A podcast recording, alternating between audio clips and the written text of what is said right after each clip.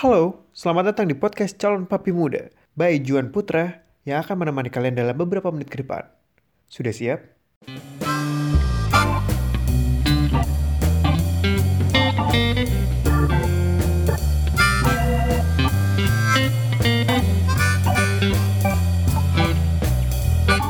Halo di mana pun kalian berada, halo semua lagi dengerin gue. Di sini Juan Putra pengisi siaran kali ini. Iya, emang siapa lagi Ju? Kan emang ini acara lo gitu yang yang udah lo bangun eh, selama setahun lebih tapi tidak ada progres dua tahun kayaknya. Lo lo tuh ke mana gitu? Lo menjanjikan sebuah topik-topik yang menyenangkan untuk didengar, tapi lo lo menghilang, lo menghilang di saat dunia lo sudah nyaman gitu. Iya, ada benernya juga sih. Halo, bagaimana kabarnya? Uh, semoga puasa lancar. Gue ucapkan uh, selamat berpuasa bagi yang uh, men- menjalankannya. Yang mulai bosen di rumah gara-gara WFH dan Corona. Ya, kita bosan bersama-sama. Tapi maksudnya, uh, kayaknya semua orang udah mulai punya kesibukannya masing-masing ya apalagi kan ini udah hampir dua bulan sendiri ya semua orang kayaknya udah mulai menemukan kesibukannya masing-masing yang kerja tetap masih kerja yang uh, belum kerja tapi maksudnya ada TikTok kan? Gue tuh abis nonton film ya uh, judulnya Knives Out. Jadi dia itu genrenya misteri misteri terus dan dia juga detektif ada uh, film detektif gitu. Pemerannya ada Chris Evans sih sama yang jadi James Bond. Itu siapa ya namanya? Ya pokoknya yang itu James Bond deh. Oh ini uh, gua gua mere gua merekomendasikan film ini buat lo yang suka nonton serialnya Sherlock Holmes yang terbaru tuh terakhir kalau nggak salah di tahun 2016 ya. Habis itu nggak muncul lagi. Yang diperan sama Benedict Cumberbatch. Terus buat lo yang suka film-film detektif sih sebenarnya. Sama uh, Murder in Orient Express Murderer in Orient Express kalau nggak salah. Yang uh, yang mainin itu si Johnny Depp. Ya ini filmnya hampir mirip sih. Mirip mirip-mirip kayak gitu. Jadi lumayan menyegarkan menyenangkan banget. Eh semoga gue nggak spoiler ya tapi gue menantang lo untuk nonton film ini dan uh, cari tahu siapa pembunuhnya di awal. Dari awal mereka diperkenalkan dalam sesi wawancara uh, coba tebak siapa pembunuhnya. Kuatin argumen lo kenapa dia bersalah sih wow itu twisted story banget. Cerita itu sebenarnya jelas banget. Yang keren dari film ini adalah uh, si penulis ya si pembuat filmnya juga. Itu tuh uh, gimana caranya dia ngebuat kita bias sama kemungkinan-kemungkinan sama deduksi-deduksi uh, yang kita buat sendiri gitu.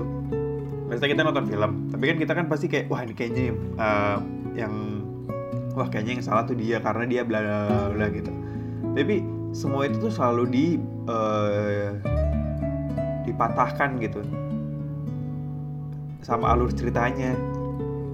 Oh gila sih lo harus nonton. Gue sih nggak berhasil menebak uh, ininya siapa siapa pembunuhnya gitu. Gila sih lo harus nonton dan dan lo harus nebak dari awal uh, up, terus and then akan kebayar sih. Di akhir gimana? Ya itu rekomendasi film ya kayaknya. Ya kan biasanya gue suka rekomendasi tempat kopi. Tapi kan corona. Dan kayaknya gue juga udah nggak minum kopi dari berapa bulan yang lalu ya. Eh gue gue tuh lemah dengan kopi. Gue nggak tahu kenapa aneh banget. Uh, tren tren sekarang tuh apa? Tren uh, dalgona gue jujur gue nggak bisa merasakan esensinya minum dalgona gitu. Yang dia padat uh, kayak foam padat and then dia udah padat tapi cara minumnya harus dicairin. Jadi ya buat apa gitu? Uh, oke okay, kita kita kita bedah ya. Gue bukan kopi expert tapi kita bedah. Dia kan padet ya. Kan katanya harus diputer sebanyak eh know 40 kali atau 200 kali putaran terus uh, minumnya itu di atas uh, jadi di gelas dikasih susu and then baru dalgona kopinya nah cara minumnya tuh lo aduk dulu sampai nyampur. Terus kayak esensinya tuh di mana gitu. Gue tuh gak paham kayak kenapa lo bersusah payah ngebuat adonan eh ngebuat ya ngebuat adonan yang padat tapi kalau cara minumnya harus dilelehin dulu. Harus cair dulu. Ya gue gue gue tuh gak tau nggak ngerti faedahnya. Apa gunanya lo uh, mengeraskan lalu lo menge, uh, apa namanya? Me, kalau minum harus di, dilarutkan. Setahu gue yang bisa dilak yang bisa digituin adalah es batu. Kenapa? Karena es batu uh, perwujudan air yang biasa terus kenapa dia dibekukan? Supaya dia bisa uh, menyim, menyimpan hawa dingin. Ya kan? Ketika dimasukkan ke dalam minum lu yang nggak dingin uh, es itu mencair tapi memberikan efek dingin gitu. Sedangkan si dalgona ini uh, semakin larut dia akan semakin uh, pahitnya tuh akan semakin pas gitu. Jadi kalau misalnya lu minum bagian atasnya aja itu rasanya pahit banget. Tapi kalau begitu lu kena susunya itu hambar banget jadi ya buat apa gitu maksud gue semua kopi gitu nggak sih semua kopi tuh gitu nggak sih nggak uh, lu pesen cappuccino dan cappuccino, cafe latte dan sebagainya yang uh, biasanya kalau di di kafe-kafe itu dia terpisah gitu antara susu sama kopinya. Kan ada dua bagian kan. Yang bawa susu atau sebaliknya yang bawa kopi yang atas susu. Uh, itu kan juga gitu ketika lo apa namanya ketika lo minum bagian bawahnya aja pahit banget begitu kalian kena atasnya ya hambar gitu. Solusinya adalah diaduk. Gue selalu punya cara uh, minum eh ketika minuman itu datang ya gue nggak mau buru-buru gue rusak lo minum di tengah-tengahnya antara pahit dan manis. Eh manis eh pahit espressonya sama susunya. Wah gitu gila itu enak banget sih. Ya gue nggak begitu ngerti esensi dalgona kopi oh mungkin uh, tapi kalau dibilang itu cappuccino ala rumahan juga enggak gitu. Rasanya beda sih. Rasanya beda. Dan dan uh, itu malah emang itu malah uh, si ciri khas si dalgona coffee itu gue sih nggak kebayang ya kalau misalnya uh, trending dalgona coffee kan ini udah, banyak banget ada yang macam juga gitu gitu terus uh, nanti ya setelah pandemi kan jadi dalgona tuh muncul selama pandemi ini kan. Gue nggak kebayang sih kalau misalnya nanti uh, lu lagi ke coffee shop gitu and then uh, apa namanya lu pesen lu pas lo pesen terus tiba-tiba ada menu baru menu dalgona. Wah gila sih. Wah gila sih itu. Kayak aduh. Aduh. Gila gila gila. Gue gak kebayang sih kalau misalnya gue menemukan uh, coffee shop yang ada gitu dan ternyata di depan gue yang mau beli itu expert kopi dalgona sih kayak uh, mas mas mas mas uh, ini dalgonanya uh, pakai kopi apa? Gitu. Kan biasanya kalau nggak pakai uh, apa Nescafe yang hitam ya Nescafe yang original terus orang-orang udah mulai pakai apa namanya maybe hampir semua bubuk kopi kali gue nggak tahu sih. Iya maybe bisa nggak sih ya gitu deh. Oh cabinsnya itu. Oh ya udah ya udah. Uh, di sini ngaduknya berapa kali mas? Gitu. Kalau boleh tahu oh kita di sini punya standarnya kok mas? Kita harus 200 kali supaya oh, oke okay, cakep. Cakep saya pesan itu. Saya mau yang itu ya. Oke? Okay? ya siap. Gitu. dan lu cobain minum di tengah-tengahnya. Nggak nggak. Itu itu itu nggak bakal berhasil. Minum di tengah di tengah-tengah layar itu itu lu nggak akan berhasil. Karena uh, di atas terlalu padat di bawah terlalu cair apa ya banyak banyak di sosial media tuh banyak banget hal yang uh, lagi rame tapi gue nggak begitu ngikutin sih. Oke okay, uh, eh, buat lo yang maybe mendengarkan ini dan dan sedang bingung atau terbawa arus uh, trending ya menurut gue mengikuti trending itu menyebalkan sih rasanya. Karena trending itu cepat berlalu gitu. So kenapa lo nggak menciptakan trending lo sendiri gitu. dan dan kenapa lo malah ikut ikutan uh, trending itu? Itu sih gue yang nggak ngerti sampai sekarang. Untuk fame kah? Untuk apakah uh, menurut gue eh gue gue gue gue gue nggak gue nggak ada di hype itu sih. Di mana mengikuti trending itu menjadi sangat-sangat uh, memberi kebahagiaan di jiwa gitu gue nggak tahu. Tapi maksud gue menurut gue coba deh lo ciptain trending lo sendiri uh, dan lo akan menemu uh, lo akan oh dengan lo menciptakan trending lo sendiri lo itu uh, ngebentuk pasar lo sendiri. Jadi ketika trending berubah ya lo nggak akan oh nggak nggak gini gini. Tapi kan kalau misalnya trending berubah kan pengikut-pengikut lo kan orang-orang yang mengikuti trending ya. Jadi kayak ketika trend oh ya oke okay, itu itu itu itu jadi hal yang sangat-sangat uh, cukup dinamis ya kalau misalnya punya kayak gitu ya. Eh tapi poinnya adalah uh, gua, ini gue karena gue benci sama trending sekarang sih. Nggak tahu kenapa ya. Uh, trendingnya tuh monoton gitu. Aduh challenge challenge yang ah, skip deh gue ngomongin ini. Gue takutnya banyak yang kesinggung lagi um, oh uh, belakangan ini gue came up dengan beberapa statement yang eh gue gue pengen mematahkan statement lama gue ingin mencoba untuk mematahkan statement-statement orang lama Oke, okay, uh, eh, ini sebenarnya masuk ke dunia permobilan. Ya, ini dunia permobilan. Tapi kayaknya kalau misalnya pendengar gue cewek, kayak nggak ini nggak nggak akan kepake sih karena ini ya boy stick saja.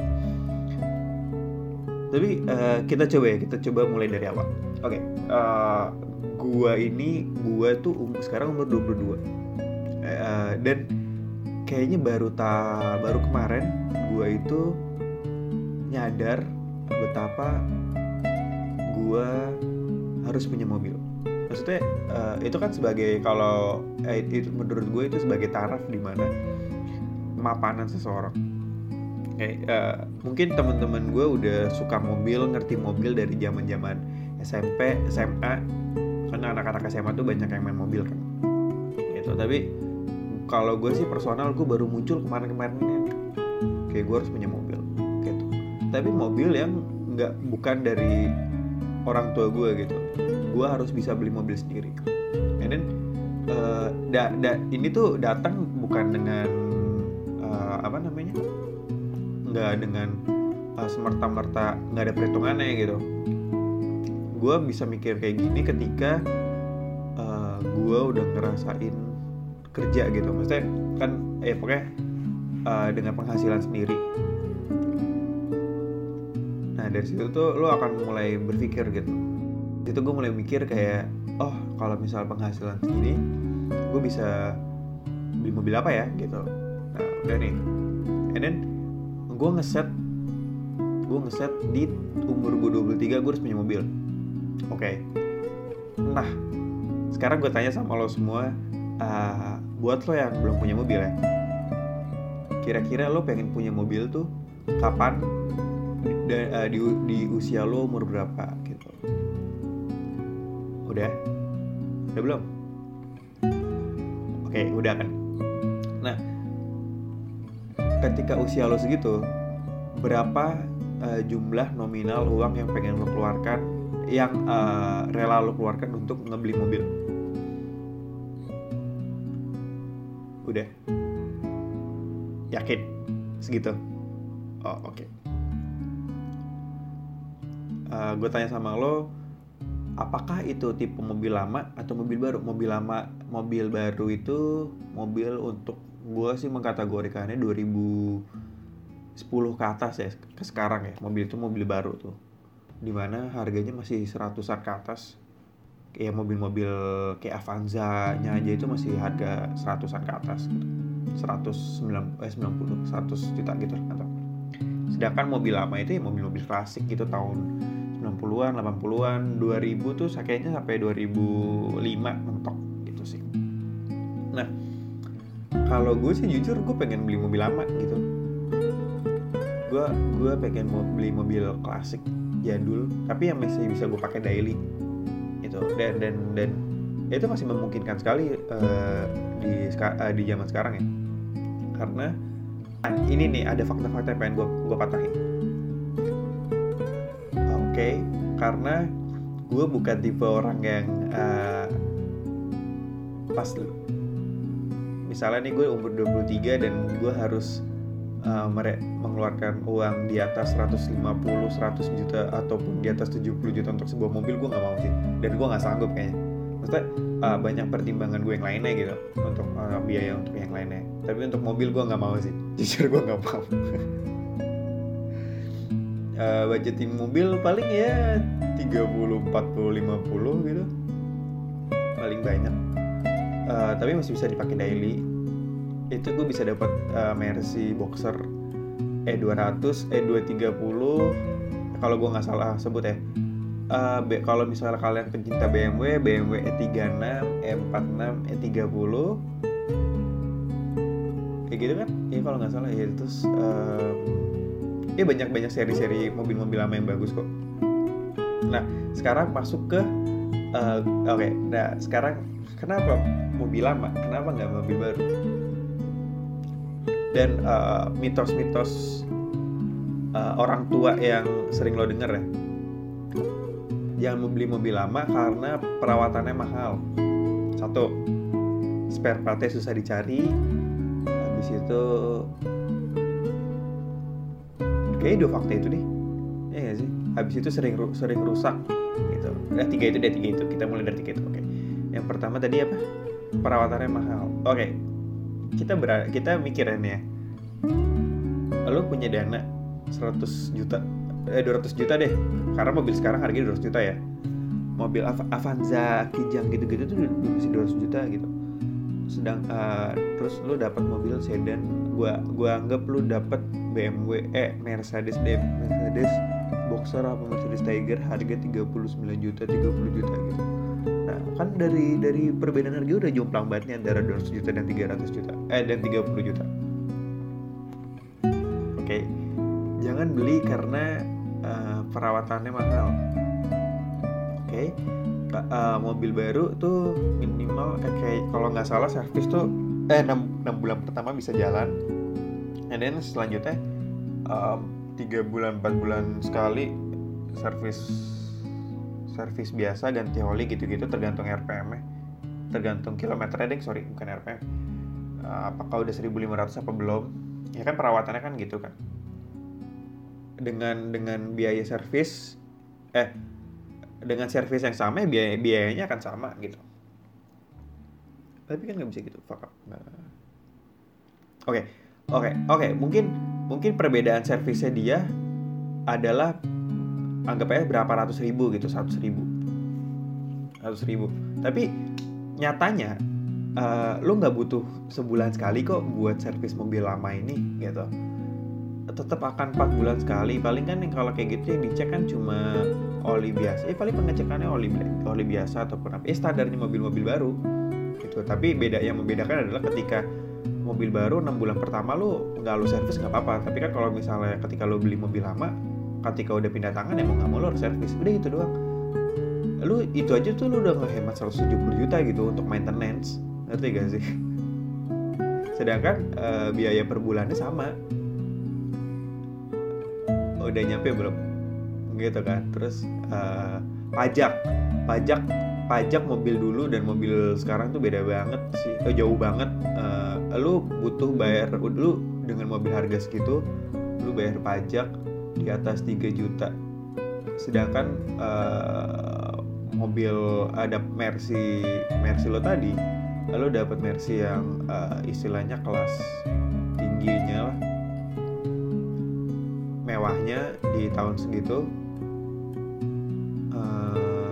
dengan pajak yang nggak nyampe satu juta gitu. Ya gitu deh pokoknya. Udah kan? Terus uh, karena mobil lama lagi rame banget nih.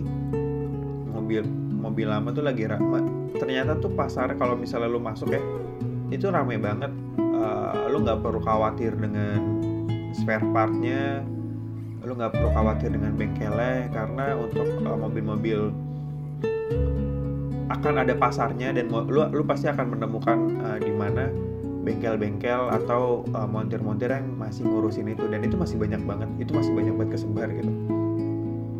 Ya dari dari segitu itu lu udah save up banyak save save your money banyak banget gitu. Ya pokoknya pajak aja udah beda banget uh, masalah under deal spare part dan service sama aja ketakutan untuk gak ada bengkel itu uh, enggak itu banyak banget nyatanya. Cuma ya problemnya ya lo nggak nggak bisa servis di di sembarangan ini sembarangan bengkel. Nggak kayak di bengkel resmi nggak. Tapi masih banyak gitu bengkel-bengkel pinggir yang, yang rame gitu yang khusus tuh masih banyak dan harganya masih oke. Okay. gitu.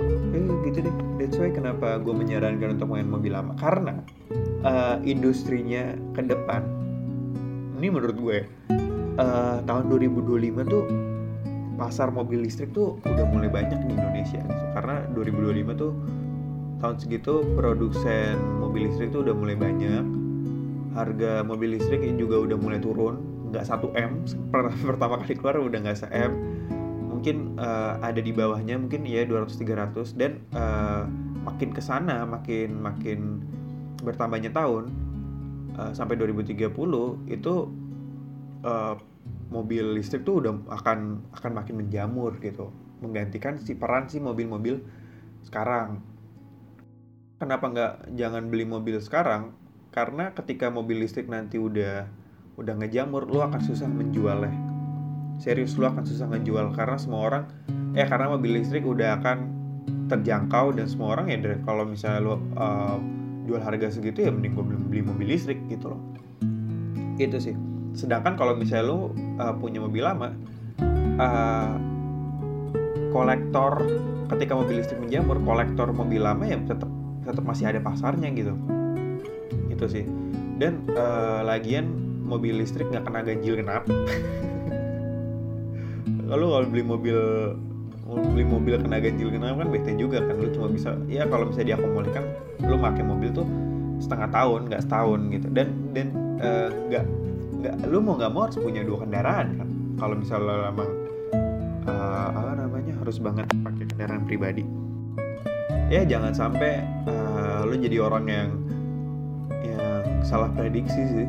Kayak kayak uh, ya timbul masker timbul masker ya ya ya kita beli masker gini gini. Ya harganya dinaikin dan termometer juga dibeli. Gue gua ngerti sama orang yang nimbun termometer sih sebenarnya. And then uh, ketika kayak gini ketika udah disuruh PSBB dan social distancing orang banyak kan di rumah kan berarti nggak butuh masker kan? Dan uh, daya belinya masker tuh jadi berkurang gitu. Dari situ aja sudah kelihatan daya belinya masker tuh akan menurun kecuali untuk uh, korporat-korporat yang emang punya dana. Gitu. Terus ya udah gitu. Dan sekarang malah diproduksi massal. Harga udah turun kerugiannya miliaran. Oh gila sih kalau misalnya emang kerugian apa miliaran gue nggak tahu lagi sih.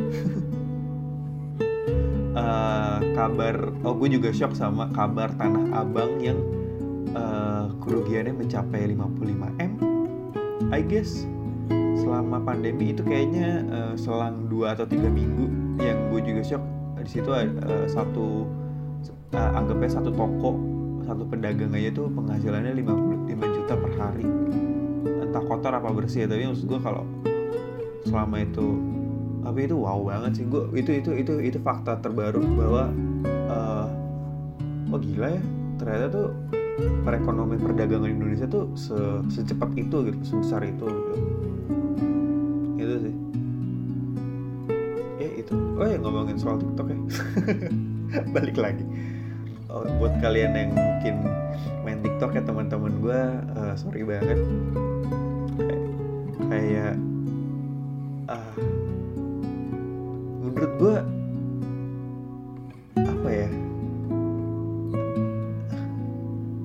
menurut gue kalian tuh curang sih. Kal kalian tuh uh, apa namanya?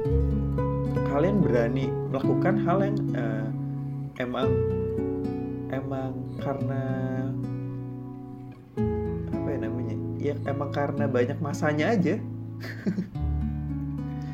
Maksud gue uh, ya di satu sisi TikTok tuh ngebuat orang yang sebelumnya mau ngedance jelek atau nggak pernah nggak pernah ikutan dance atau belajar dance. Jadi bisa ngedance gitu. Yang menurut gue juga dance-nya format gak sih? Gue kalau disuruh cobain ya jujur gue nggak bisa. Gue kalau disuruh, disuruh nyobain pasti gue kaku. Eh gue oke okay, gue akuin gue nggak sejago kalian. Tapi maksud gue itu ya itu tuh kalau ngikutin trending tuh gitu tuh gue sih udah udah cringe banget dengan lagu-lagunya. Nge-scroll nge-scroll uh, Instagram. Terus gue biarkan TikTok di di di media sosial TikTok aja gitu. Nggak usah lu bawa-bawa ke Instagram. Tapi ya, itu cross ini sih sebenarnya cross uh, cross marketing juga sih untuk memasarkan itu. Ya yeah, it's okay tapi kayak uh,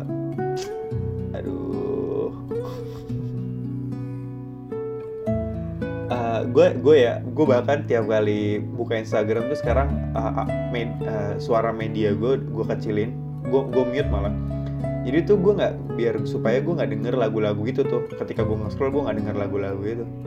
Gitu. Jadi jadi yang yang yang terjadi adalah ada orang goyang-goyang dan nggak pakai lagu nggak pakai apa. Terus kayak ini orang kenapa? Lagi cobain. Tuh cobain teman-teman lo yang kan kan kalau video TikTok itu pasti biasanya yang diupload ke Instagram tuh pasti ada tetap ada trademarknya tuh. Tetap ada logo TikTok di bawah dan ya udah cobain aja lu uh, ngeliatin mereka nggak pakai nggak pakai lagu gitu. Kayak ih. Aduh. Tapi ngomong-ngomong soal TikTok ya tik uh, ngomong-ngomong soal TikTok ya uh, gue gua gue tidak menjelekan maksudnya. Uh, lo bisa cari juga uh, di di internet gitu. Bahwa uh, ternyata uh, TikTok tuh udah mulai profitable. Jadi uh, jadi udah ada jadi dia hampir mirip sama kayak YouTube lah. Ada kalau YouTube kan ada AdSense gitu. Nah ini juga ada gue nggak tahu namanya TikSense atau Toksense TikTok AdSense gitu nggak tahu lah jadi uh, emang emang uh, buat para influencer TikTok itu dibayar. Dan buat lo yang punya buat mereka yang punya followers tinggi tapi mereka bukan public figure mereka juga punya kemungkinan uh, punya penghasilan dari situ. Dari mana? Dari endorsement maybe. Tapi gue belum menemukan adanya sistem pembayaran yang yang dilakukan kayak AdSense-nya Google. Itu sih. Lu bisa buka di likigram.com maybe dari situ tuh ada estimasi uh, account. Jadi lo tinggal lo tinggal buka itu lo masukin nama akunnya siapa. Ya buat lo yang yang maybe uh, ngejelekin TikTok. Maksudnya kayak ya bete juga sama teman-teman yang main TikTok uh, lo coba search aja akunnya di sana pasti akan ada networknya dan lo pasti akan jauh lebih bete ketika temen lo yang ngelakuin hal-hal yang lo benci tapi ternyata lebih profitable daripada lo yang diem doang ngebenci. Shit itu gue lagi. Ya itu sih uh, ya gitu aja deh. So uh, di mana pun kalian berada nama gue John Putra. Pamit undur suara. Selamat beraktivitas kembali dan bye bye eh jangan lupa buat stay tune di episode berikutnya ya. Ya gitu deh